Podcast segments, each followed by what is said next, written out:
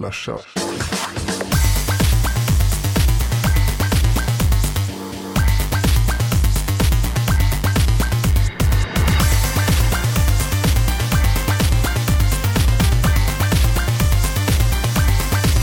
Slasha.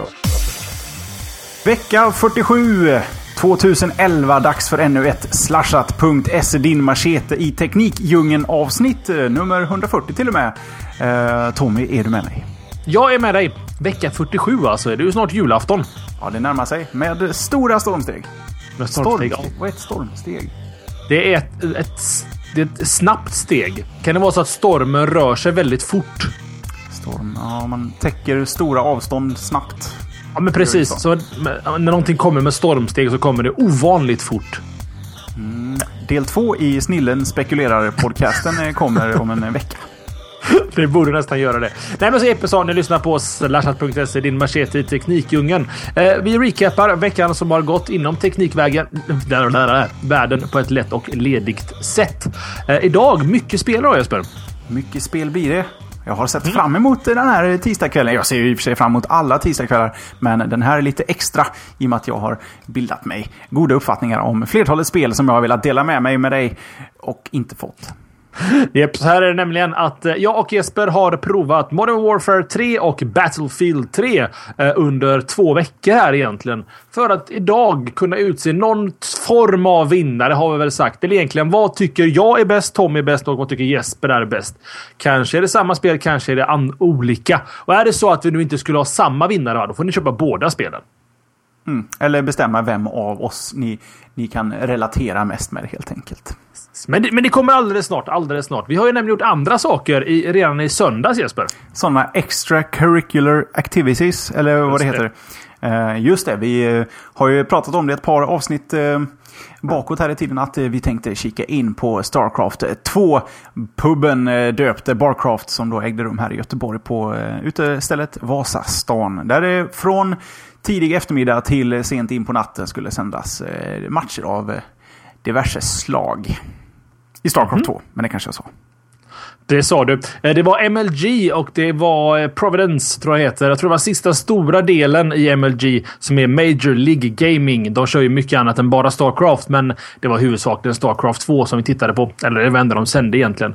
Gick så där för svenskarna, tror jag.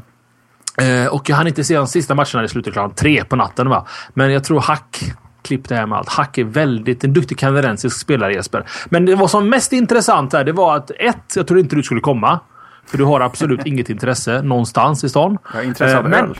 Ja, det det är sant. Men inte ens, inte ens då tänkte att du skulle genomlida ett par timmar Starcraft 2. Men vad gjorde du Jesper? Du överraskade och...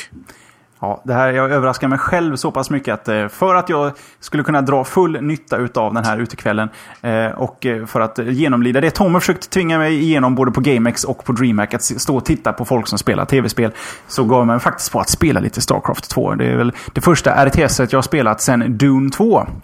Och eh, eh, det är ett tag sedan för den som kommer ihåg det spelet. Så jag satte mig, plockade ner spelet, det tog tre timmar att installera. Men eh, jag får säga att det var det värt för jag hade faktiskt riktigt kul. och Jag körde Starter Edition så långt som man får köra, ungefär eh, fyra missions tror jag det var. Eh, sen var jag lite besviken att jag, jag var eh, in the moment på väg att nästan köpa spelet. Men jag tyckte att eh, den digitala nedladdningen var lite för dyr med tanke på att jag kunde få den för halva det priset på skiva från till exempel Diskshop. Och då, eh, då vann snålheten helt enkelt. Plus att jag visste att jag ändå var tvungen att ge mig iväg. Så det var med nyfunnen fascination jag satt där och faktiskt förstod många delar av det som visades på skärmarna. Mycket intressant. Och då hann du spela kanske två, tre timmar innan du kom dit i söndags.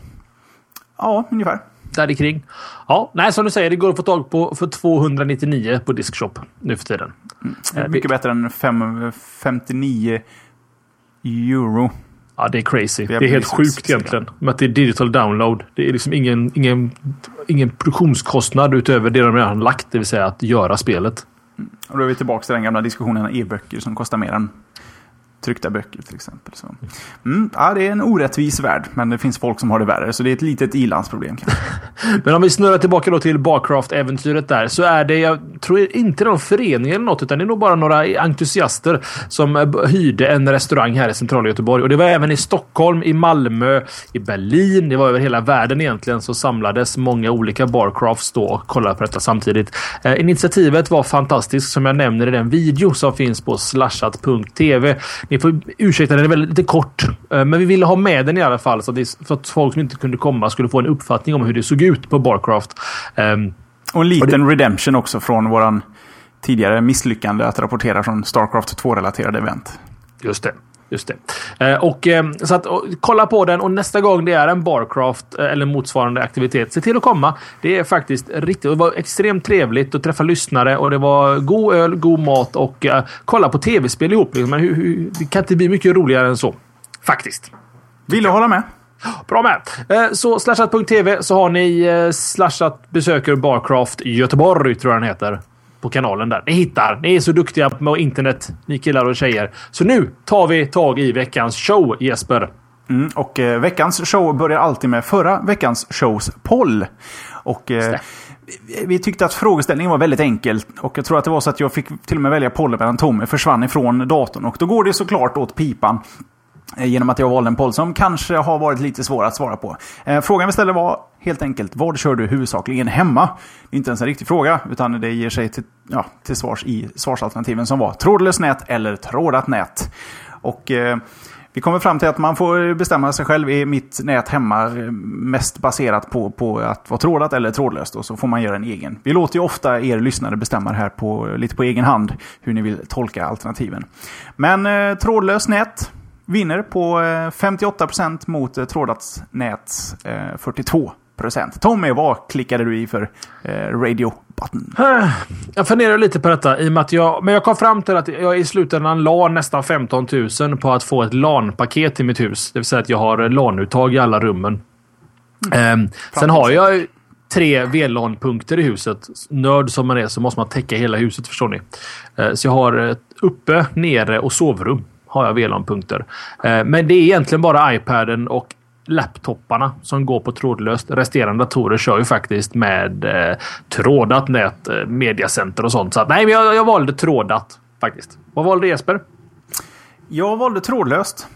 Varför då? För att jag har, använder inte trådat nät på annat än från fiber in i lägenheten till min AirPort Extreme. Därifrån sköts resten eh, trådlöst. Jag blir lite osäker. Det kan sitta en liten, liten eh, Cat 6-sladd till eh, Macminin som sköter eh, input och output kan vi väl kalla det. Mm. Eh, men inte helt säker på att den gör det faktiskt. Right. Men jag klickar ja. i alla fall i trådlöst för eh, iMacen kör trådlöst, eh, Mac, eh, Macbooken kör trådlöst, iPad, iPhone kör trådlöst. Eh, Fästmans dator kör trådlöst. Och allt går trådlöst. Till och med vågen är trådlös. Mm. Ja, varför inte? Mikron? Ja, den går på sladd. Mm. Än så länge i alla fall. Mm. Eh, nej, okej, okay, jag förstår. Och det, det är väl egentligen det, det, är det bekvämaste sättet egentligen att faktiskt eh, sköta det på. Att ha det trådlöst du slipper dra kablar. Eh, jag hade ju möjligheten att faktiskt välja hur kablarna skulle dras och då valde jag trådat nät.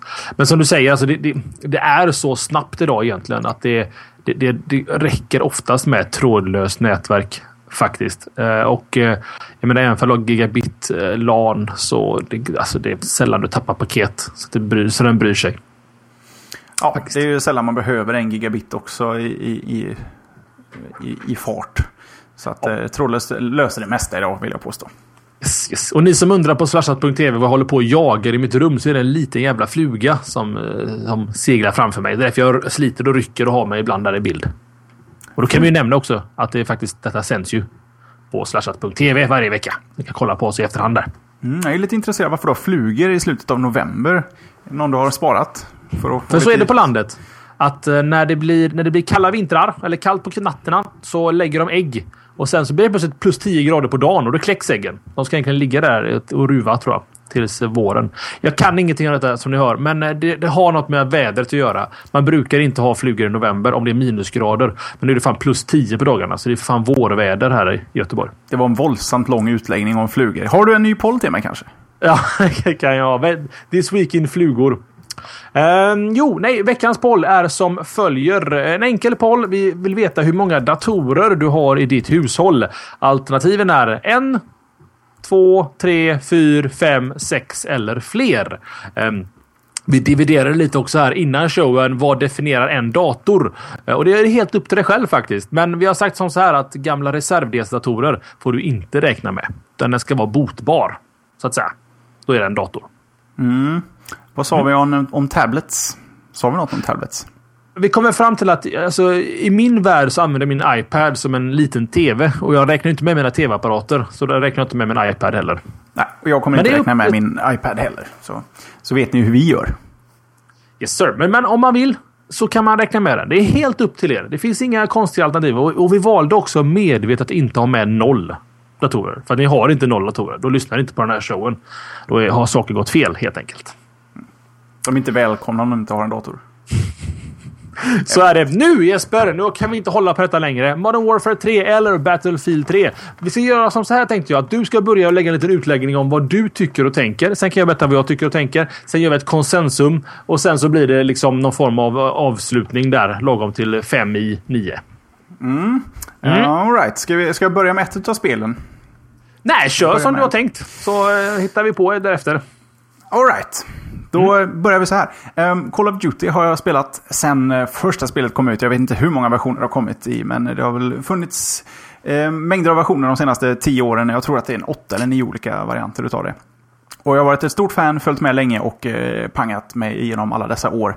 Eh, medan Battlefield och jag har ett betydligt Eh, Eh, mindre eh, förhållande till varandra. Jag har endast provat eh, Battlefield Vietnam vid ett enstaka tillfälle, ett par minuter och det, det kan knappt räknas. Um, så de har, det ligger liksom lite ojämnt här um, i, i, tidigare preferenser. Uh, jag måste också säga att jag är ingen, ingen multiplayer-person, det vet ni säkert om ni har lyssnat på Slashat en del. Så jag är all about the campaign. Så jag har lirat de här två spelen, um, kampanjerna. Inte lirat färdigt, men um, cirka mm, 4-5 timmar in i båda spelen. Jag tycker att då börjar jag ha tagit mig halvvägs och jag tycker att jag har en hyfsat bra um, syn på hur spelet ser ut helt enkelt. Uh, Call of Duty kan vi börja där. Um, Modern Warfare 3 utspelar sig i nutid och um, det är stort, det är svulstigt, amerikanskt, eh, explosioner och mycket action. Väldigt vackra vyer och eh, ett satans eh, pangande. Du får köra robotar och du får skjuta från helikoptrar. Massa sån här riktig storsvulstig action skulle man kunna säga. Och nästan så man tappar andan så snyggt som det är. Och då spelar jag ändå på 360 så att det visar ändå på att de har Ehm, dragit ur rätt mycket kraft ur de här ehm, maskinerna sen de släpptes. Det har hänt en del där. Jag gillade spelet. Men det finns en liten sak som, som stör mig med, med Call of Duty Modern Warfare 3 och det är att eh, man kan, visst, man kan ha spelet större, fräckare, större explosioner, fräckare eh, miljöer och, och allting kan liksom bli eh, så mycket snyggare. Men jag tycker att de glömmer bort lite av själva spel, spelformatet. Eh, själva FPS-skjutandet har sett likadant ut eh, väldigt, väldigt länge. Det är ju inget krav att man måste uppfinna sig själv varje gång man släpper ett nytt spel. Men nu tycker jag FPS-förfarandet har sett ganska likadant ut eh, ganska länge. Och jag tycker det hade varit kul om de kunde hittat något nytt. För att efter en stund så kände jag att Åh, nu måste jag panga en stund innan jag kommer till de här sakerna som faktiskt sticker ut lite. Och, och, det, jag skulle, och det, är fortfarande det här gamla följ killen med en follow-skylt ovanför sig. Och jag tycker det är lite tråkigt att det ska behöva... Det är ett, ett enkelt sätt att, eh, att lösa eh, ett problem som man skulle kunna göra en del av spelet. Att du själv får lista ut vart du ska till exempel. Um, Sen tycker jag också att eh, de här delarna som, som inte är vanligt fram, panga, göm dig, ladda om. Att det är nästan som ett litet, litet hack mellan. Det liksom flyter inte ihop med de här grejerna när du, om du ska fånga ett rep och klättra ner. Eller om du ska ehm, styra, du ska ramla ner för en kulle och styra till exempel. Eller om du ska ta på dig en gasmask eller någonting. Det känns alltid som att det är nästan som en liten cutscene som tar ifrån som, det känns som ett gammalt hedligt FPS där de har klippt in lite snygga, eh, snygga saker. Eh, och det tycker jag irriterar mig lite. Men det är fruktansvärt, fruktansvärt snyggt. Väldigt lång harang här Tommy. Ska vi, nu har jag ändå börjat på Call of Duty. Du kanske ska lätta upp mina åsikter här. Eh, Modern Warfare 3 då, pratar du om. Ja. Eh, Jo, eh, jag, jag vill att hålla med. Eh, jag, är ju, jag har ju recenserat Battlefield 3 här innan i showen. Eh, och eh, Alltså gameplayet i sig, alltså båda spelen som du säger är fruktansvärt snygga. Man märker också att båda tillverkarna försöker att utveckla den här genren genom att du flyger flygplan i vissa spel och ibland så är du uppe i en sån här AC-130 eller vad de heter och bombar och har det. De försöker i alla fall att utveckla. Eh, jag tror det var förra generationens Call of Duty eh, och, Modern, eller, och Battlefield man började köra. Nej, förlåt mig. Förra generationens Modern, eh, Call of Duty kunde man börja köra i fordon. Eller du är egentligen en passagerare i ett fordon. Medan man i Battlefield alltid har kunnat köra fordonet själv. Och det är väl den stora skillnaden mellan de två egentligen. Eh, att Battlefield är betydligt mer variabelt i hur du kan hantera saker på fältet av krig. Liksom. Nu börjar jag gå sakta in på Battlefield 3 här, men om jag går tillbaka till Modern Warfare 3 så förstår jag vad du tänker Jesper. Det är, det, det är väldigt mycket snitslad bana Eh, i Modern Warfare 3. Ehm, om jag går över lite på vad jag tycker om det så gillar jag det hur dumt det än låter. Jag tycker att ehm, det är lite som de sa i This Week in Tech. Det här är som om Michael Bay skulle regissera ett spel så är det Modern Warfare-serien. Eh, jag har alltid varit en sucker för Michael Bays filmtyp i alla fall. The Rock och alla de här. Eh, och eh, det här spel, spelstypen passar mig så fantastiskt bra. Jag tycker eh, Modern Warfare 3 single play-biten är faktiskt riktigt, riktigt rolig. Eh, till och med roligare än Battlefield 3, men det hörde ni säkert när jag pratade om Battlefield. Att Battlefields single player-del känns för mig påtvingad liksom. Den känns oengagerad. De förstår att folk köper det här för multiplayer liksom. Medan Modern Warfare-serien och även hela Call of Duty-serien alltid har varit väldigt single player fokuserad. Tillbaka till dig Jesper. Mm. Uh, vad var det jag skulle säga på Modern Warfare?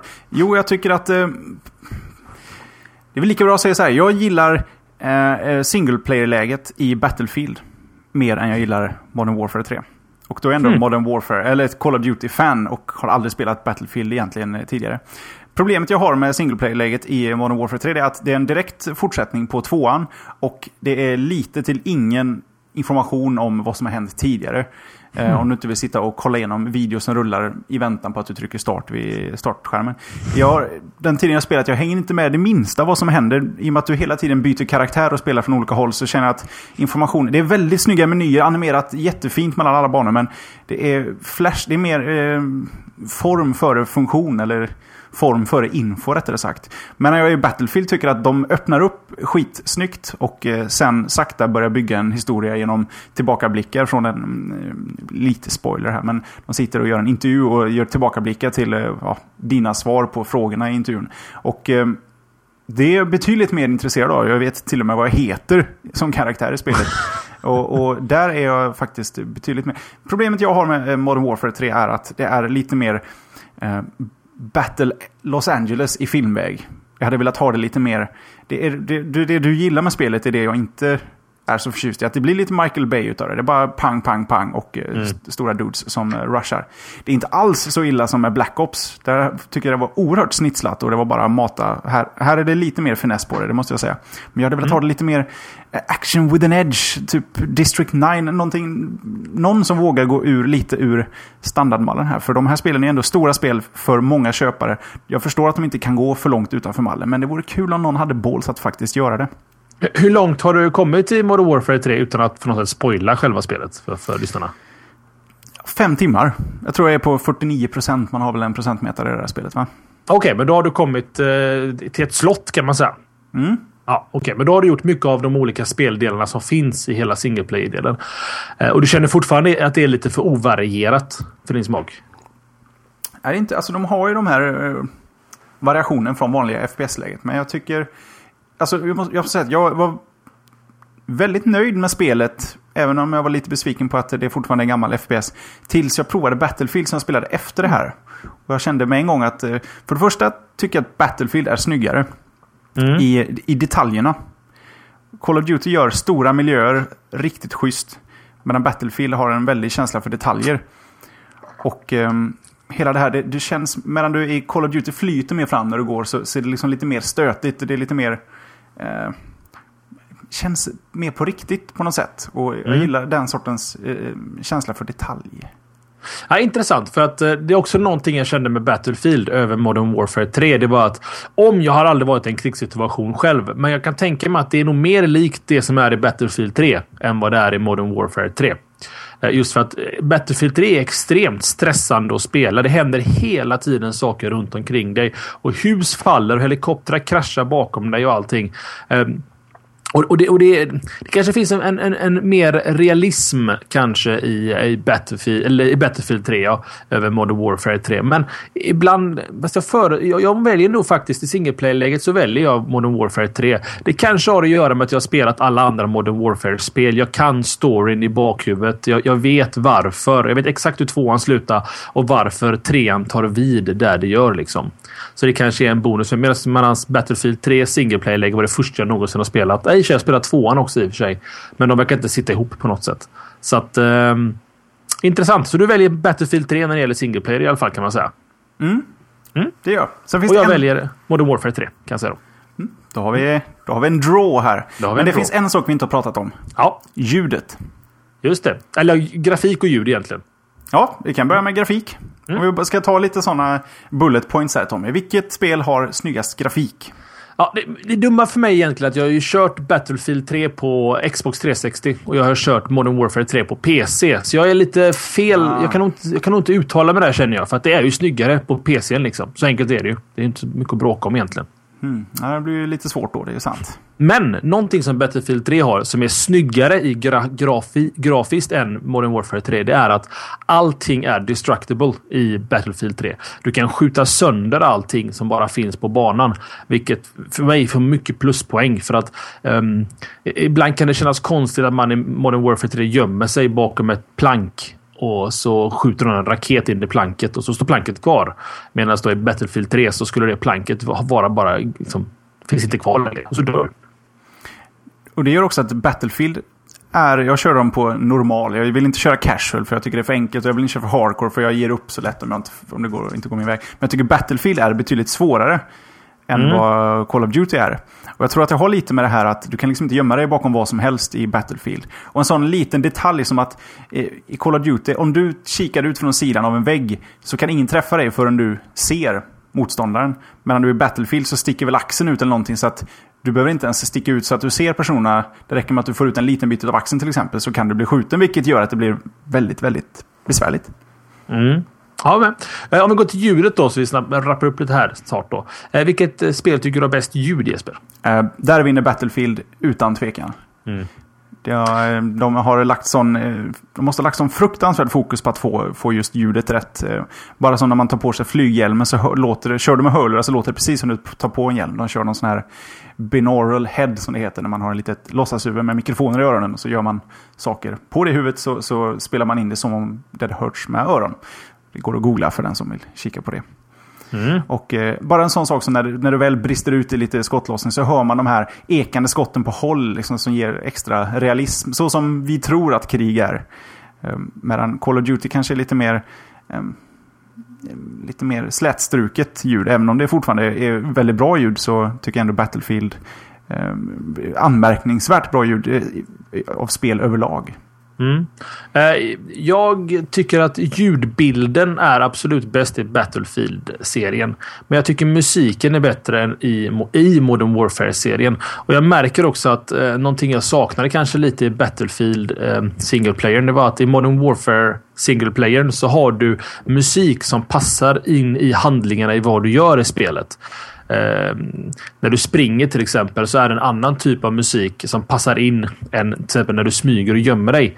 Eh, det är en liten detalj som passar mig bra. Så musiken Modern Warfare, men definitivt ljudbilden Battlefield.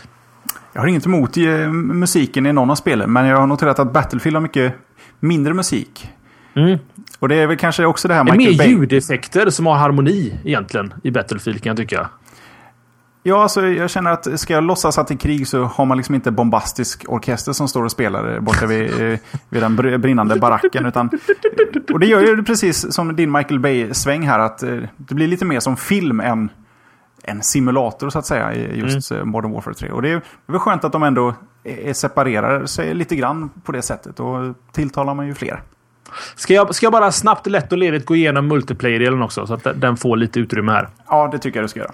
Eh, jag har ju spelat jättemycket multiplayer. Speciellt Modern, Modern Warfare eller Call of Duty-serien.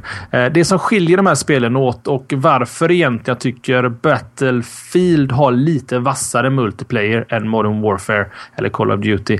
Det, det är för att Battlefield är så otroligt diverse på engelska. Mångfacetterat. Alltså, eh, du kan hoppa in i jet och flyga över samma bana där folk springer ner på marken. Du kan hoppa in i tanks, du kan hoppa in i beach buggies, du kan hoppa in i antiluftvärnskanoner. Det, det, det är en extremt varierad spelmöjlighet i eh, Battlefield. Det är också lite till dess multiplayers nackdel. Det blir lite svårt som nybörjare att fatta överhuvudtaget vad man ska göra i Battlefield. Det, eh, det, det, framförallt, det, båda spelen har ju lite, lite levelingsystem. Att ju mer du spelar, ju mer högre level du får, ju mer perks får du eller eh, tillbehör till dina vapen och sånt där.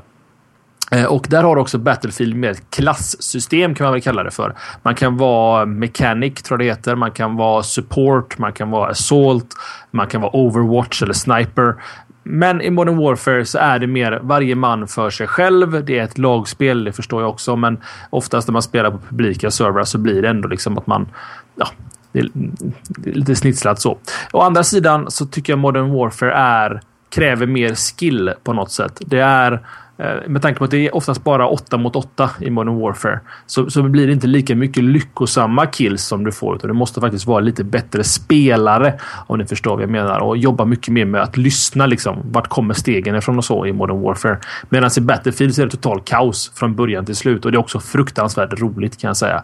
Så att jag lutar eh, lite åt Battlefield här när det gäller multiplayer. Men Eh, Eh, ja, det, det, det, men hårsmån verkligen. För Modern Warfare 3 Multiplayer är också riktigt, riktigt rolig. Men man märker att Battlefield-serien är ett multiplayer-spel från början. Det, det märks. Det är fruktansvärt bra gjort. Eh, tycker jag. Så ska vi ha något konsensus här Jesper? Jag har sagt Modern Warfare i single player och Battlefield i multiplayer. Du har sett, sagt Battlefield i single player och ingenting i multiplayer Men du har spelat något av det. Nej, precis. Så kan man ju bilda sig sin egna uppfattning om vem av oss ni tycker eh, ni mest liknar i, i spel. Eh, ja, vad man föredrar helt enkelt. Och, och, en liten shameless plug här. Jag har precis också slängt upp min eh, recension på de här två spelen på jesper.se. En 2000 ord lång recension. Den blir oerhört lång. Eh, där jag verkligen ventilerar alla tankar om båda spelen. Så kika in där. Men det är ju superbra. Då kan man också läsa sig om man inte har hängt med i våran diskussion här. Så att vi kan tyvärr inte utse en vinnare, utan det blev två vinnare trots allt. Då. Eh, så, så bara jag repetera. Battlefield 3 för Jesper och Modern Warfare 3 för Tommy. Så har vi avhandlat det. Det var skönt Jesper. Ja, väldigt långt eh, segment där nästan nu. Yes sir. Får vi sätta tempo. Yes, och det kan väl jag börja med då. Tycker jag. Tycker jag. Nu har jag supit bort mina show notes här, men de har jag tillbaka på ett kick. Jo, vi ska nämligen prata om mitt första ämne och det är det som gick av stapeln i onsdags förra veckan. Det var att Google presenterade Google Music och att 200 miljoner Android-enheter har hittills aktiverats. Lite mininyhet där i mitt uppe i allt. 200 miljoner. Det är ganska många. Vad är då Google Music? Jo, ehm, Google vill ju såklart få en, en affär runt omkring sitt ekosystem med tablets och eh, smartphones och annat runt om Android. Så de valde att släppa då en musiktjänst som heter just då Google Music. Eh, den här presenterades för många år sedan egentligen. Jag tror det var två år sedan på Google I.O. Men den släpptes inte förrän i vintras förra året och det är först nu då de bygger in en affär i den här Google Music. Google Music bygger på att du kan ladda upp hela ditt MP3-bibliotek. Eh, max 20 000 låtar och sen lyssna på dem genom din webbläsare, Android-mobil, eh, Android-tablet och så vidare. Eh, intressant är att från start så har Google fått med många av de stora skivbolagen eller aktörerna. Så de har nästan 8 miljoner låtar från start. Eh, det är mp3-or med en bithastighet på 320 kilobits per sekund. En annan liten kul feature som de visade också det är att om jag köper en låt så kan jag, eller ett album, säg jag köper Tron eh, Legacy albumet av Daft Punk. Så kan, om jag delar den till en cirkel på Google Plus så får mina vänner i den cirkeln lyssna på det albumet hur många gånger de vill gratis. Detta är ett försök från skivbolagen och Google att faktiskt stävja piratkopieringen. Man kan lyssna på albumet hur många gånger man vill där. Eh, men man måste köpa det om man vill ha det i sin mobil och motsvarande. Eh, sen Jesper så kommer någonting som du ska lyssna upp till. För någonting som de släppte också var någonting som heter Artist Hub. Eh, det kostar 25 dollar att upprätta en artistprofil i Google Music och sen kan du avgiftsfritt lägga upp din musik. Antingen ge bort den gratis eller ta betalt för den. Tar du betalt för den så är det 70-30. 70% till dig, 30% till Google som gäller. Ursäkta mig, men de står för distributionen. Detta är extremt likt det som vi apputvecklare har. Så att du kan alltså göra musik Jesper, lägga upp det på Google Music och släppa det som eget skivbolag helt enkelt och eh, sköta marknadsföringen själv. Eh, tyvärr, eller det här låter ju skitkul, men detta är tyvärr endast i USA just nu. Det finns vägar in för oss svenskar att få tag på Google Music ändå, men då funkar inte butiken naturligtvis, för du måste ju ha ett amerikanskt Visa-kort eller Mastercard eller Discovery eller vad de heter. Så endast i USA just nu. Det lär komma internationellt. När vet vi inte. Men jag kan fråga dig om Artist-hubben där. Är det någonting som får dina juices flowing? Ja, nej, det är väl... Eh, det är väl lite intressant. Å andra sidan, eh, jag hade nog inte valt den rutten. Ja, alltså grejen är att jag är så van vid att köra ut saker via en tjänst som heter TuneCore. Som är som en aggregator för alla eh, butiker. Där kan jag lägga upp ett album så skickas det automatiskt till iTunes, Spotify, eh, E-music, eh, Rhapsody, Pandora, gud vet vad det heter, Wimp och, och sådär. Och jag antar att alla de här stora tjänsterna dyker upp där till slut. Och det känns lättare att lägga upp allting på ett ställe och sen går det iväg. Och du får alla dina royalties därifrån. Utan att de tar en katt du betalar istället för uppläggningen av per album. Och det tycker jag är en lite enklare lösning än att behöva hålla koll på varje enskild sån här sida. Men är man en artist som inte känner att man behöver finnas på så många andra ställen så, så är det ju en, en väldigt schysst möjlighet från dem. Synd att det inte är tillgängligt här borta än. Men det är väl som allting som har med att licens licensiera musik att göra. Det tar en jävla tid för de är så tröga de här skivbolagen. Mm. Synd. Yes sir. Jag, jag förstår. Eh, och Ja, det är inte så mycket mer att säga. Det är svårt att prova också naturligtvis för oss svenskar. Men vi hoppas på att det här kommer att släppas i Europa och i Sverige i synnerhet inom kort i alla fall. Mm. I en tid full av stämningar och patenttvister, Tommy, så är det kul när det ramlar in lite riktigt, riktigt roliga nyheter, eller hur? Mm -hmm. mm. För vi pratar, vi har alltid sagt, vi är en podcast-teknik, snackar även lite film, musik, tv och sådär. Och vi snackar nästan aldrig tv. Men nu finns det ett teknikämne som ändå rör en tv-serie som du och jag håller väldigt, väldigt kär. Eh, det är den nedlagda tv-serien Arrested Development som eh, sändes mellan 2003 och 2006. Och i mina ögon, eh, den, den bästa komediserien som har gjorts. Skulle jag vilja mm. påstå. Jag är med dig. Jag har sett, en jag har sett hela, alla säsonger tre gånger om faktiskt. Mm. Mm, det är det bästa i komediväg som har gjorts för tv. Och den lades ner på grund av att eh, ett taskigt tv-bolag inte lyckades lägga den på rätt tidslott. Folk hittade inte den och eh, sen lades den ner. Um, Fast en liten parentes där också. Mm. Sen var det så att, att skriptet eller små storyn i den är ganska komplicerad. Så om du har missat två säsonger så är det jävligt svårt att fatta i tredje säsongen vad allting handlar om. Och jag tror det var det de dog, eller förlorade mycket på. Ja, de knyter ju tillbaks till alla avsnitt tidigare hela tiden. Så att, eh, det är sant. Men det är mm. också en serie man bör följa från start till slut. Och finns det då lyssnare av Slasha som inte har sett den här serien. Gör er själva en tjänst. Se till att leta reda på Arrested Development. Eller som när den sändes klockan ett på vardagsnätter i Sverige en gång utan att någon märkte det. Firma, Ruffel och Båg tyckte de var en bra översättning. Men, jag förstår hur de tänkte i och för sig. Jo, ja, absolut. Ja. Men ändå. Kunde de ha tagit det ett varv till så kanske de hade hittat något lite bättre.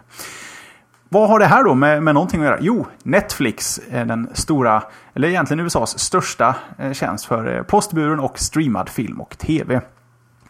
De eh, har tänkt att, jaha, vad gör vi nu i framtiden när det nu får massa konkurrens från tv-bolag som själva lägger upp så man kan prenumerera och allting? Jo, vi skaffar original content. Och då gör de det mest rätta movet de kan göra här. Att återuppleva en serie som, som fans har frågat efter och bett om att det ska komma tillbaks. Det har varit snack om en långfilm skulle göras. Eh, men ingenting har hänt och folk tjatar fortfarande om det här. Känner ni till serien Firefly till exempel så vet ni ungefär hur, hur, eh, hur liksom eh, fansen runt omkring har verkligen har kämpat. Firefly lyckades man faktiskt snacka upp en, en eh, en eh, riktig Hollywoodfilm av. Och eh, Arrested, där har det inte hänt någonting. Men nu plockar alltså Netflix upp det här för att eh, de vill stärka sin position i kampen om tittare helt enkelt. Och eh, det tar ju lite tid att sjösätta eh, en, en, restart av den här serien. Um, andra serier som har restartat är ju Family Guy till exempel och eh, även Futurama till exempel har ju startat upp.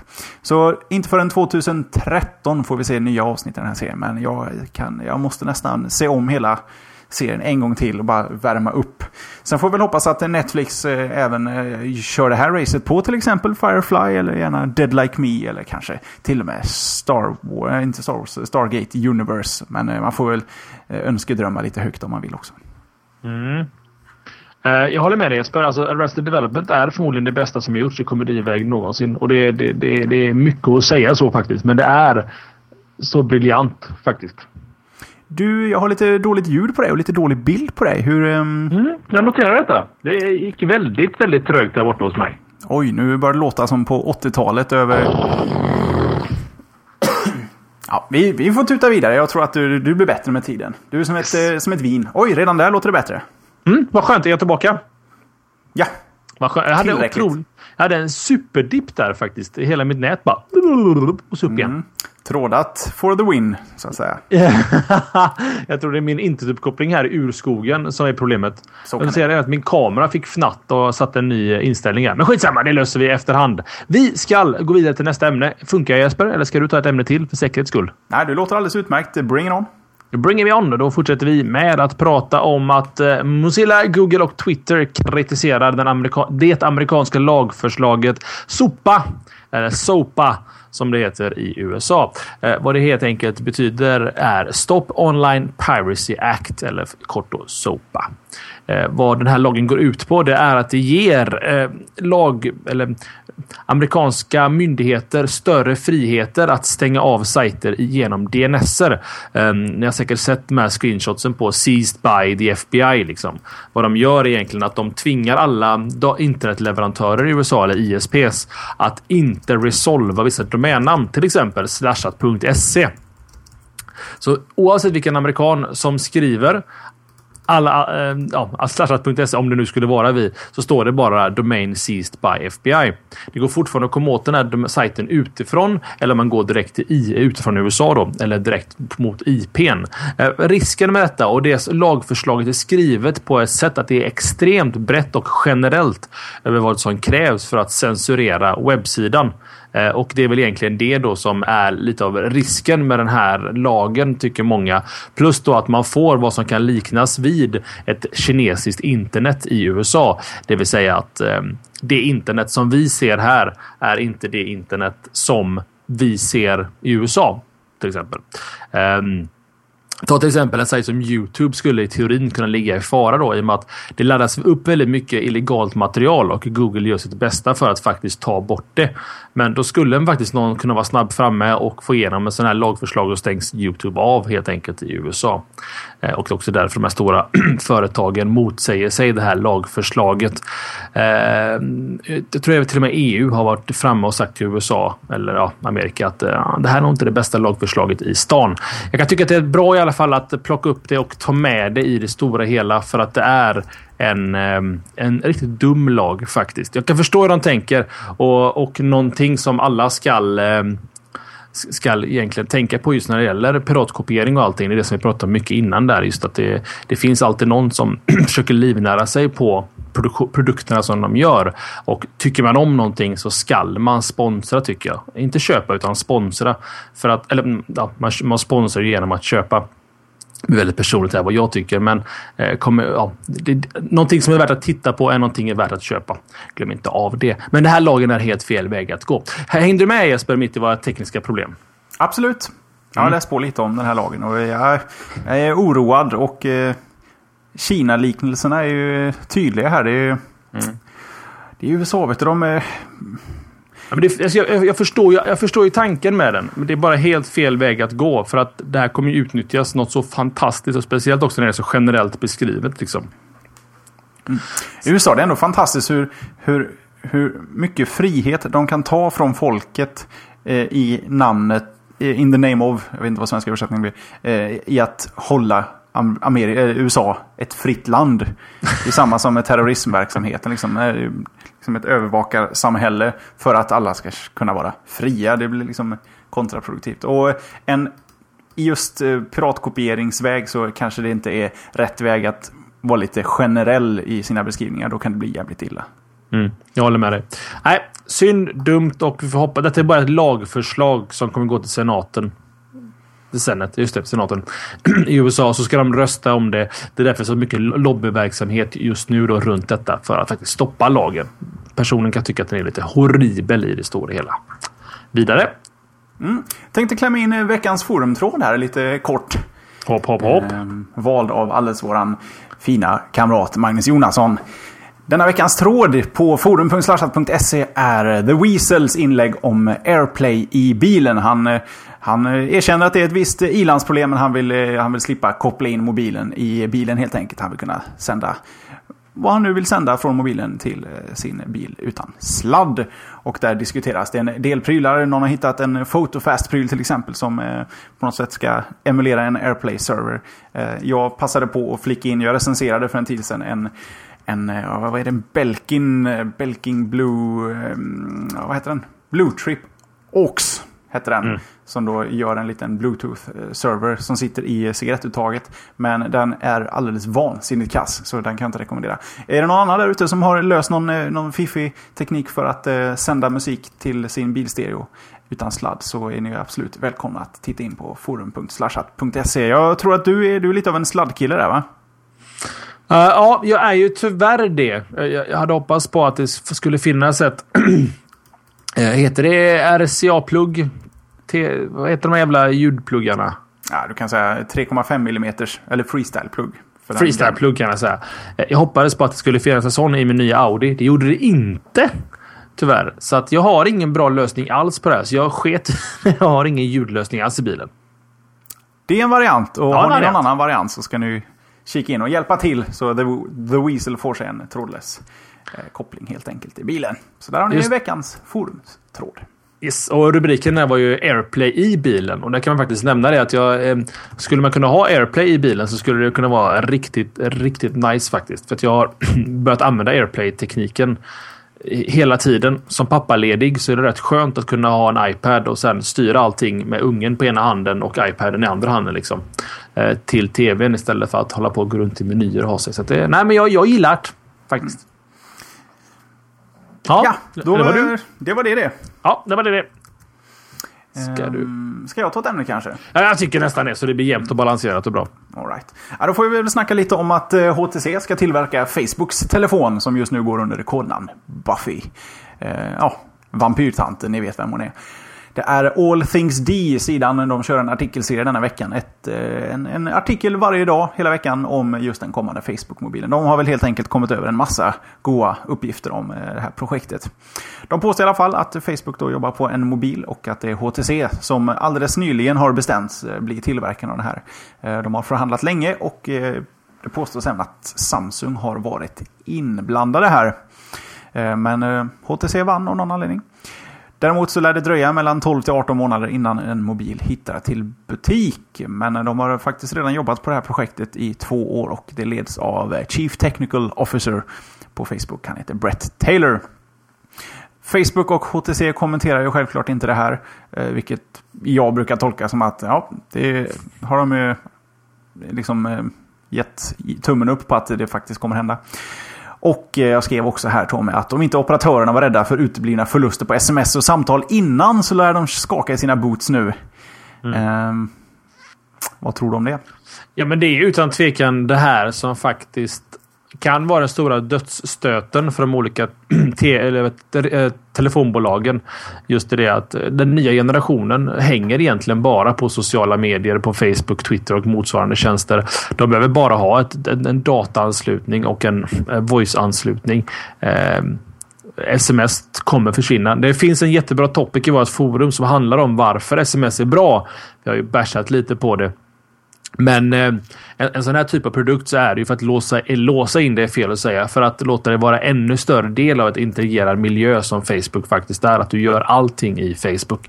Eh, och deras långsiktiga mål lär ju vara att kunna konkurrera ut e-mail. Liksom. Hur dumt det än låter så tänk att är du 12-13 år idag liksom, har skaffat ett Facebook-konto och det är så du interagerar och kommunicerar med alla dina vänner. De kommer växa upp en vacker dag bli företagsägare eller anställda eller motsvarande och då kommer de ta med sig de verktygen som de har till eh, arbetsplatsen. Eh, så att eh, nej, det är en intressant framtid och en Facebook-mobil är det naturliga nästa steget. Jag skulle inte förvåna mig ifall vi skulle se något motsvarande en Facebook-tablet eller någonting med någon sönderhackad version av Android inom ett år eller två. Hmm. Intressant. Jag har Va? mer på det här alldeles snart också förresten. Yes. Då ska jag flika in en, lite, en liten grej mitt emellan här. Vi har ju varit, pratat så mycket just om lösenord på senare tid. Eh, och eh, amerikanska företaget Splash Data har gått igenom data från flera miljoner stulna konton för att komma fram till vilket som är det absolut sämsta lösenordet någonsin. Topp 5 tänkte jag bjuda på. På femte plats har vi ABC123. Jesper, det är inte ett bra lösenord. Nej, men den Tätt... har jag nog använt någon gång. ja, jag med. Tätt följt av Qwerty. Mm. Eh, anledningen till det, om ni kollar på ert tangentbord som ni har framför er, så kolla längst upp i vänstra hörnet. QWERTY står i ordningsföljd längst upp till vänster. Därför så eh, är det ganska vanligt. Nästa, eh, tredje plats så har vi 1, 2, 3, 4, 5, 6, 7, 8. Oh, men det är ändå åtta tecken. Mm. Ja, men det är de jävla sajterna som kräver åtta tecken förmodligen. Då har man löst det så. Sen tätt följt av tvåan som är 1, 2, 3, 4, 5, 6. Det är för de sajterna som bara kräver sex mm. tecken. Och störst, minst, eller störst och sämst då får jag kalla det för, är password. Alltså ordet password som lösenord. Det är inte bra Jesper heller. Nej. Nej. Men och det är intressant att detta är data som är framtaget från riktiga konton. Liksom. Det här är inte vad man tror, utan det är faktiskt från konton som har hackats där de har kunnat få fram lösenorden. Så att, eh, och Nilse i chatten här skriker med stora bokstäver. Sluta säga alla mina lösenord. Så att, ja. God var inte nummer ett som många kanske tror. Men grejen är att det är för kort. På de flesta sajterna i världen så kräver man ju i alla fall fem karaktärer. Så God rök direkt där.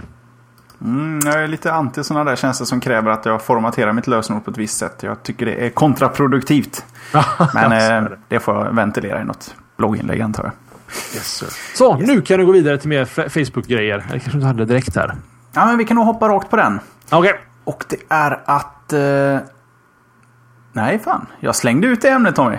Ut ska det. Jag kan bara flika in att Amazon kikar på att släppa en telefon också. Och eh, det tyder på en trend att företag nu börjar bygga lite egna slutna ekosystem på Android. För även eh, om jag inte hann nämna det så är Facebooks mobil byggd på Android. Men eh, mer om det någon annan gång. Det är ju bara rykten. Så. På tal om rykten Tommy så tar jag ett riktigt mm. ryktesämne. Mm. Eller rykteskollen som jag kallar det. Kanske man skulle göra till ett stående inslag. Veckans ryckeskoll. Ding! Mm. iPad 3, iPhone 5 och Macbook Pro ska vi bara ta lite snabbt. Det är iLounge som har samlat ihop lite rykten och eh, hört med lite Eh, kontakter de har på olika ställen i leden som producerar de här mackapärerna. Och vad gäller iPad 3 så påstås den släppas i mars och den kommer att bli 0,7 mm tjockare än iPad 2 men fortfarande tunnare än iPad 1. Och anledningen till att den blir så mycket tjockare Tommy, någon räknade till och med ut att det var 8% tjockare. Det är för att den nya skärmen som då ska vara en Retina-display på, vad blir det, 2000 gånger en massa andra pixlar. Att den behöver lite extra LED-belysning bakom så det kommer sitta två LED-paneler bakom. Att det då tar lite mer eh, utrymme helt enkelt iPhone 5, den eh, kommer inte att få den där eh, droppformade designen som det har spekulerats om under en längre tid. Exakt hur den ser ut har ingen vågat säga riktigt ännu. Men den kommer att bli eh, större, eller få en större display. Och den kommer då gå från nuvarande 3,5 upp till 4 tum och eh, därmed också vara 8 mm längre. Eller högre kanske man ska säga. Lansering är siktad in till sommaren vilket då skulle ge 4S en ganska kort livstid. Men eh, det är inte orimligt. Apple har haft lite sådana klämprodukter som ibland uppdateras lite snabbt sådär. På Macbook Pro-svängen så har det cirkulerat lite rykten om att det antingen kommer en Macbook Air 15-tummare alternativt att hela Macbook-linjen då och den här nu tre år gamla Unibody-designen får en liten uppfräschning och att de på något sätt blir lite mer slimmade helt enkelt. Eh, men något datum där har de inte vågat sig på riktigt. Men eh, mm, exciting mm. times. Yes sir. Och om vi ändå är igång just med... Eller ska, var det några kommentarer? Inga kommentarer på det. Det är ju bara rykten. Man vet ju inte. Nej, precis. Och om vi ändå håller på med rykten så kan jag ta med ett, ett ytterligare ett ämne som jag har på ryktesvägen här och det är att eh, det har börjat ryktas om att Microsoft kommer att presentera Xbox 360s eh, nästa version kan jag väl kalla det för på CES under nästa år och att releasen ska vara julhandeln 2012. Allt detta according to Edge. Vad Edge är det vet jag inte. Förmodligen en tidning eller något motsvarande. Eh, tydligen så var det förhållandevis säkra källor som var källorna. Det betyder att det betyder egentligen ingenting, men vi borde snart börja få höra lite rykten i alla fall om eh, 720 eller Xbox Next eller vad den kommer att kallas för. Även Playstation 4 eller vad den kommer att heta borde också börja ryktas lite om. Eh, om det släpps in, släpp, om den presenteras på CES i år och släpps innan julhandeln eh, 2012, det vet jag inte, men det kanske skulle passa ganska bra för att 2012 borde väl vara ungefär tio år sedan Xboxen släpptes Jesper va? Ja, den kom väl där någonstans. Ja. Jag kommer inte ihåg exakt, men däromkring ja. Mm. Inga spex, tyvärr bara rykten om att den är på G. Eh, vidare så var det ett rykte i början, på mitten och slutet på förra veckan om att det skulle komma en ny Xbox 360 Dashboard under december och Microsoft har nu verifierat det. Ja, det kommer en ny Dashboard till eh, 360 i december. Eh, den sjätte ska den komma. Eh, förmodligen så kommer den gå ett steg närmare Eh, det som heter Metro UI, det vill säga det interfacet som ni har på era Windows Mobile Phones 7. Vad de nu heter, något motsvarande. Eh, det kommer även vara djupare Kinect-integration Uh, tydligen including voice recognition capabilities. Uh, Facebook-delning direkt från en Xbox och ett renare interface än då Metro. Men även det är rykten. Eller det, det sista där är lite rykten, men det kommer komma en ny dashboard. Det första nya Xboxen, superrykten. Så mm, det ser vi fram emot. Det gör vi. Mm. Och då ser vi även fram emot nästa ämne Tommy. Mm. Där vi ska prata om... Um, vi tar årets julklappar Tommy, 2011. Oj, oj, oj. För nu börjar ju listorna komma in på vad som... Eh, eller vissa har inte en lista, vissa väljer bara en produkt. Men eh, Tre stycken. Vi kan ta GP, Göteborgs-Posten här. De eh, utser varje år en, eh, en, en eh, årets julklapp. Sen har vi också elektronikbranschen som är cirka tusen pers mest branschfolk som lägger upp en liten topp tre-lista. Och sen har vi då Handels, Handelns utredningsinstitut, eller HUI. HUI! Som varje år presenterar. Den, den som eh, får anses vara eh, den officiella årets julklapp. Som har, eh, de har väl, jag tror 89 börjar de, eller 88 med en bakmaskin. Och sen har det gått ut för. Ska vi se vad de har röstat fram här då Tommy. Ehm, mm. Just i HUIs fall så krävs tre olika kriterier som ska uppfyllas. Ehm, produkten ska vara en nyhet eller ha fått ett nyväckt intresse för året. Produkten ska svara för ett högt försäljningsvärde eller säljas i stort antal. Och produkten ska representera den tiden vi lever i. Och i år så vann en färdigpackad matkasse. Ja men det tror jag på. Faktiskt. Mm. Ja, Helena blev ju under året, det är min fästmö Helena, eh, har ju blivit helt frälsta i Linas matkasse. Eh, det, det, det, är helt sjukt vad bekvämt det är faktiskt. Jag kan absolut se det. Speciellt om det finns någon form av eh, giftvariant och att man kan köpa en Linas matkasse till föräldrarna liksom, och ge dem till den på jul, julafton. Man ger ju inte själva kassen då utan själva ett värdebevis eller någonting. Så att, nej, men det, det, det tror jag på faktiskt. Ja, mm. svarar jag. Ja, jag kan hålla med. Det är ju inte helt nytt, men jag kan ändå påstå att det har väl ändå fått en liten uppsving nu på senaste tiden, tycker jag. Så att det passar, passar sig bra. Och då tar vi oss till elektronikbranschens. Eh, deras eh, lista på tre. På tredje plats så hamnar smart-tvn. På andra plats hamnar en smartphone och på första platsen hamnar produkten som då var Handelns utredningsinstituts årets julklapp förra året, nämligen surfplattan. Och det är också GPs eh, årets julklapp, nämligen surfplattan. Tankar på det? Ja, alltså det har att göra med att de behöver inte skriva surfplattor. De kan egentligen skriva iPad för den som säljer utan tvekan bäst just bland surfplattorna. Eller tabletsen som det heter egentligen kan jag tycka. Eh, nej, det är nämligen som så här att iPaden var inte släppt till julhandeln förra året. Den släpptes väl i januari vill jag minnas. Ja, nej, nu ljuger jag för dig. Sista november tror jag den kom. Du, nu ljuger jag för dig. Den var ju faktiskt ute i julhandeln förra året. Mm. Ja, då finns det ju ingen logik alls att ha den igen. Ja, fast det Hui hade ju den förra året och nu har de två andra den i år. Och jag kan väl tycka att den är lite mer eh, rättplacerad i år än förra året. För förra året så var det väldigt mycket snack om surfplattor och i år så är det lite mer surfplattor. Jag var inne i en Mediamarktbutik här bara häromdagen och noterade vilka fruktansvärda mängder tablets det finns. Jag tror de mm. hade 20 eller 25 uppe på display av olika sorter. Mm. Och det var inte ens iPads inräknade. De stod i ett egen liten monter. Det är vansinniga mängder tablets. Men jag kan ändå tycka att det är en, en, en ett okej okay val. Klart bättre än en stickad ekologisk tröja eller vad de hade för ett par år sedan. kan jag aldrig ha slått. Jag ska också nämna att det var iPad 2 jag tänkte på. Den släpptes i mars 2000, eller året efter där. Uh, just det. Mm, det är också sån här typiskt, vi hamnar lite i kläm. Fast det kanske hade att göra med att vi var svenskar. Vad vet jag. Ja, gör det. Men nu är det i alla fall nu är den cykeln slut och nu kommer det komma. Nu får, nu, Sverige borde få iPad 3 samtidigt som USA. Eller i alla fall som iPhonesen någon vecka eller två efteråt. Får vi hoppas på i alla fall. Så ni där ute, vill ni vara unika som alla andra så är det en färdigpackad matkasse eller en surfplatta ni ska köpa till någon i julklapp. Mm. Och det var som Antbro skrev här i, eh, i chatten. Vem fan köper en smart-tv till någon i julklapp? Ja, då, ja. då har man det gott ställt. Eh, ja, ja, då, är, då går det bra nu. Man, man, brukar väl liksom ha någon form av under 500 spänn i alla fall per familjemedlem för att kunna hålla någon form av ekonomisk försvarsbarhet i julafton. Men ja, här får den för 15 000. Gratulerar! God jul! Vad fick jag? Ett par sockar! Jättesnällt! Tack, tack! Det är bättre att köpa en, en eh, box i box. Kostar betydligt mindre och gör din smart-tv betydligt smartare än din smart-tv är smart. Mm -hmm, mm -hmm. Jag håller med dig.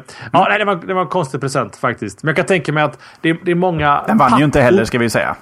Nej, det är sant. Men jag tror att det, det är många pappor som kanske typ köper en julklapp till familjen. Att familjen får en ny tv liksom. Så är det familjen till sig själva liksom. Så kan jag tänka mig att det är.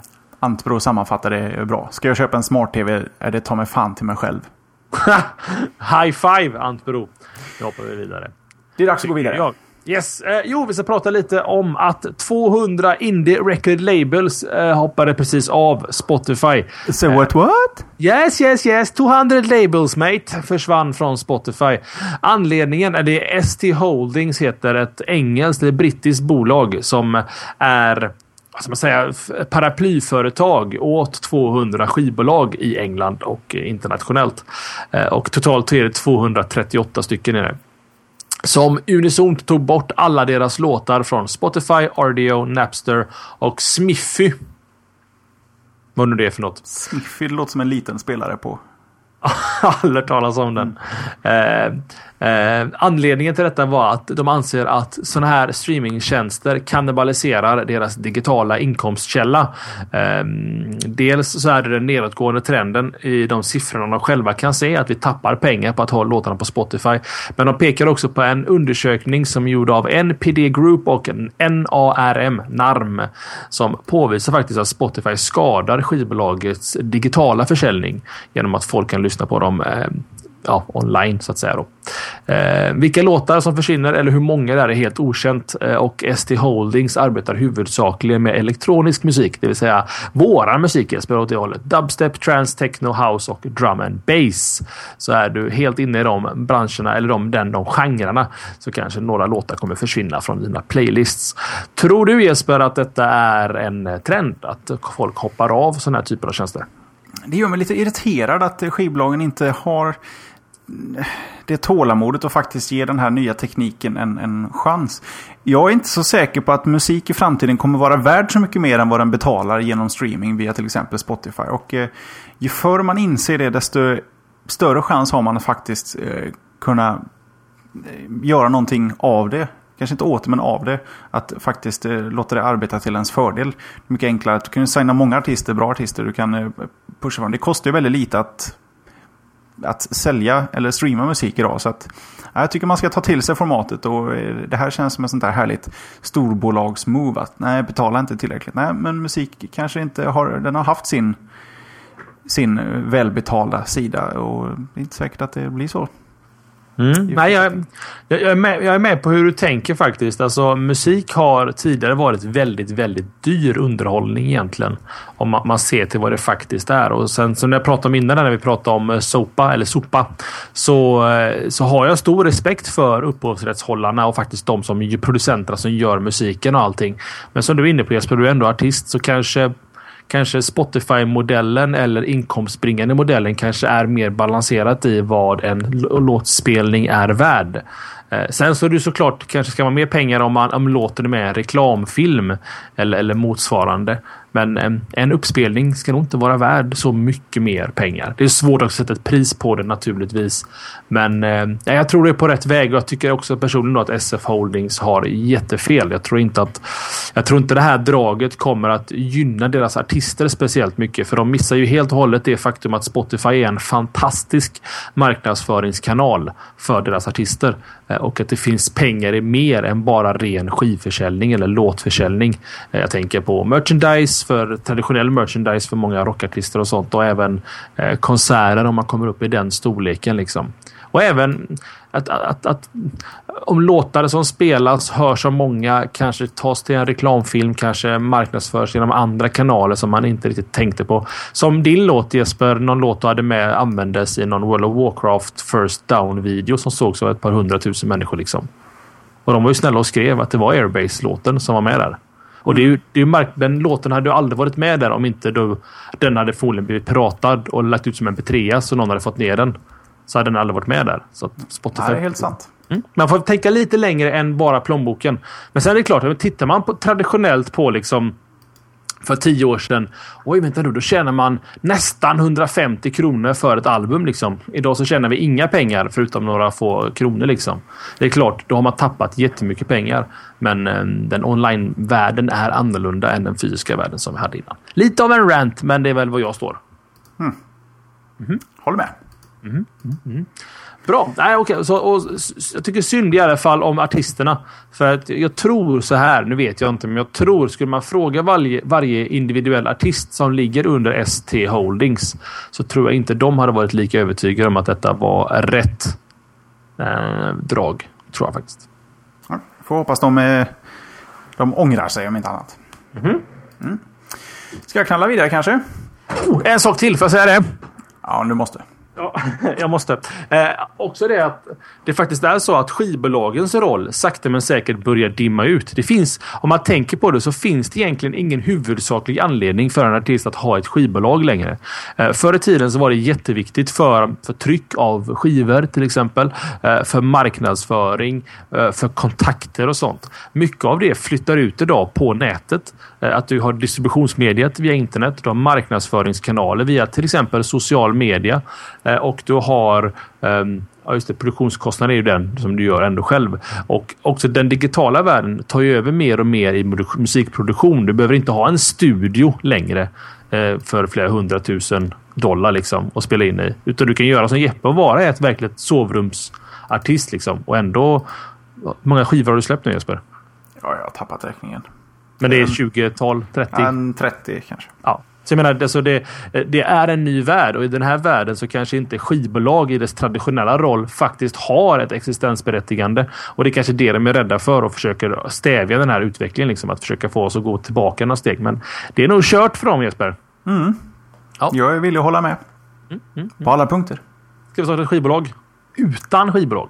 Ja, behövs inte. Ja. Jag tror att artister kommer köra sitt egna race och det kommer poppa upp företag som sysslar med marknadsföring för artister. Inte som skivbolag utan eh, promoting eh, label eller något sånt där som sköter den biten. För det är det enda de i så fall skulle kunna göra. Trycka skivor, det, behöver, det gör ju inte ens ett skivbolag. De anlitar ju någon. Så att det enda de gör är kontakter och, och eh, marknadsföring. Så. Mm. Mm. Då har jag ett sista ämne. Ja, men det passar ganska bra. Vi har på en timme. Mm. Det är egentligen en liten kortis bara. Det är att eh, Googles eh, JPEG-konkurrent WebP som lanserades för ett år sedan nu även tar sig an Microsofts JPEG-konkurrent PNG. Um, ehm, vad är då nya WebP som har uppdaterats? Jo, den har fått ett lossless-läge. Nu det här är lite till er grafiker där ute som är intresserade. Ett eh, lossless-läge precis som PNG och även möjlighet till transparens. Um, det räcker ju inte såklart, man måste ju vara bättre på någon punkt och det är filerna genom att vara mindre än PNG-filer. Eh, de har gjort lite tester, i och för sig Google själva som har gjort testerna, men eh, de tar, eh, har testat med lite PNG-filer de hittar på nätet och kör det, sparar om det till WebP och då blir filerna 45% mindre i filstorlek. Om man sen kör PNG-filen genom någon sorts PNG-crush eller liknande och får ner storleken på PNG-filen så är WebP fortfarande mindre, cirka 28%. Um, Tyvärr så är det ju så att det stöds bara av en webbläsare. Chrome och Opera har skrivit. Jag tror det är någon sorts jab från min sida att Opera inte används av någon. Men Opera och eh, Chrome fixar det. Eller Opera. Ja, Opera. Mm. Opera. Får vi se, det är ju inte lätt att klämma in ett, ett nytt eh, grafikformat på webbplattformar. Men eh, PNG tog ju sig faktiskt in och eh, det är också min, eh, mitt filformat of choice när jag sysslar med grafik på nätet. I den mån det är möjligt i alla fall. Liten, liten eventuell rättelse där. Jag tror inte Microsoft har gjort PNG.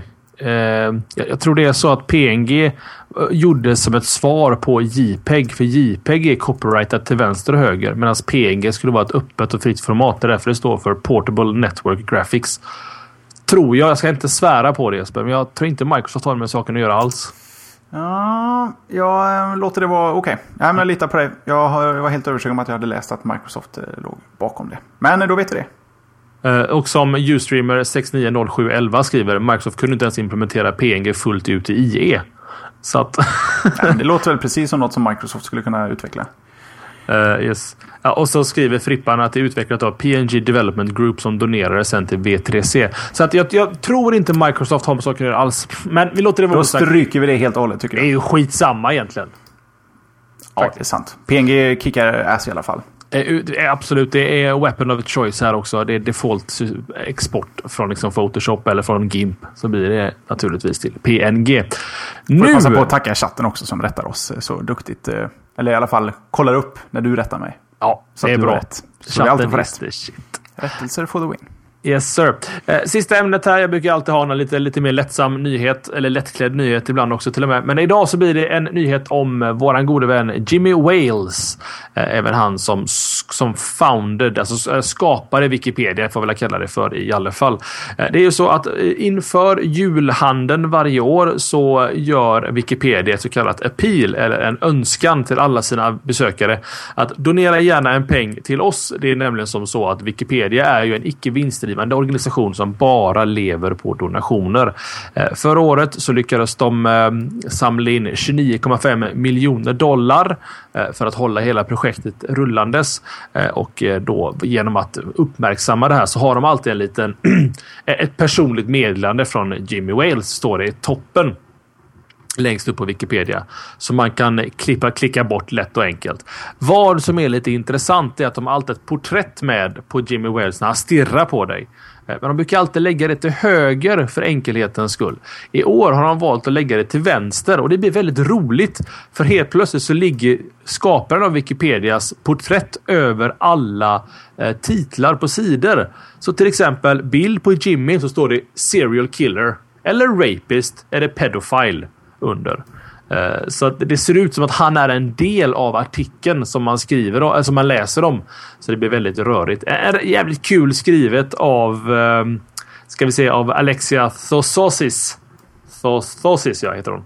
Eh, på Techcrunch. Värt att läsa och länkas i våra show notes.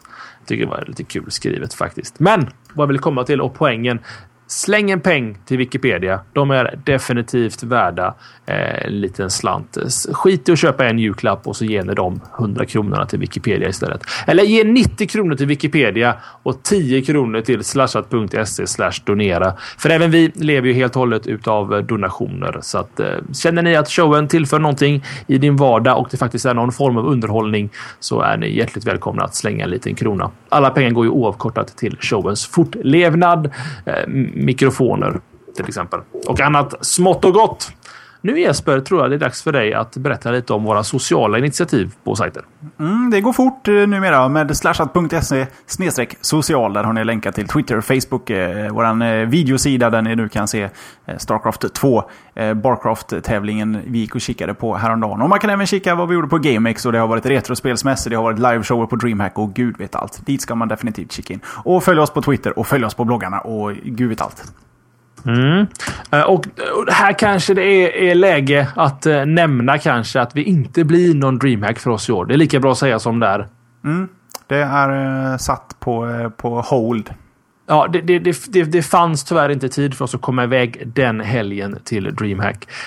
Um, så ni som hoppas på att träffa oss där kommer tyvärr inte göra detta utan nästa gång får vi träffas. Kanske i sommar då. Tycker så vi får med det. Oh, Yes sir. Eh, vi tackar bockar och bugar. Eh, som Jeppe sa, titta gärna på Barcraft-klippet på slashat.tv. Eh, och har ni missat något eller kanske bara lyssnat på podcasten så finns det faktiskt möjlighet för er att gå till slashat.tv för alla videoversioner av podcasten dyker nämligen upp där på eh, ja, Youtube är det ju i slutet och sist. Så att eh, vill ni se oss, varför man nu skulle vilja det, men kanske försöka förstå lite hur det går till på en livesändning, så gå gärna och kolla där. Det är alltid lika trevligt. Tycker det låter som en plan. Yes, ta hand om er, ta hand om varandra och ta hand om mig och Jesper så hörs vi nästa vecka. Det gör vi. Ha det gott.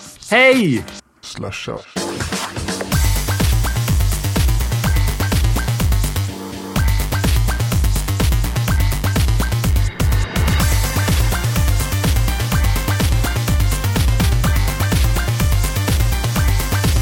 Slasha.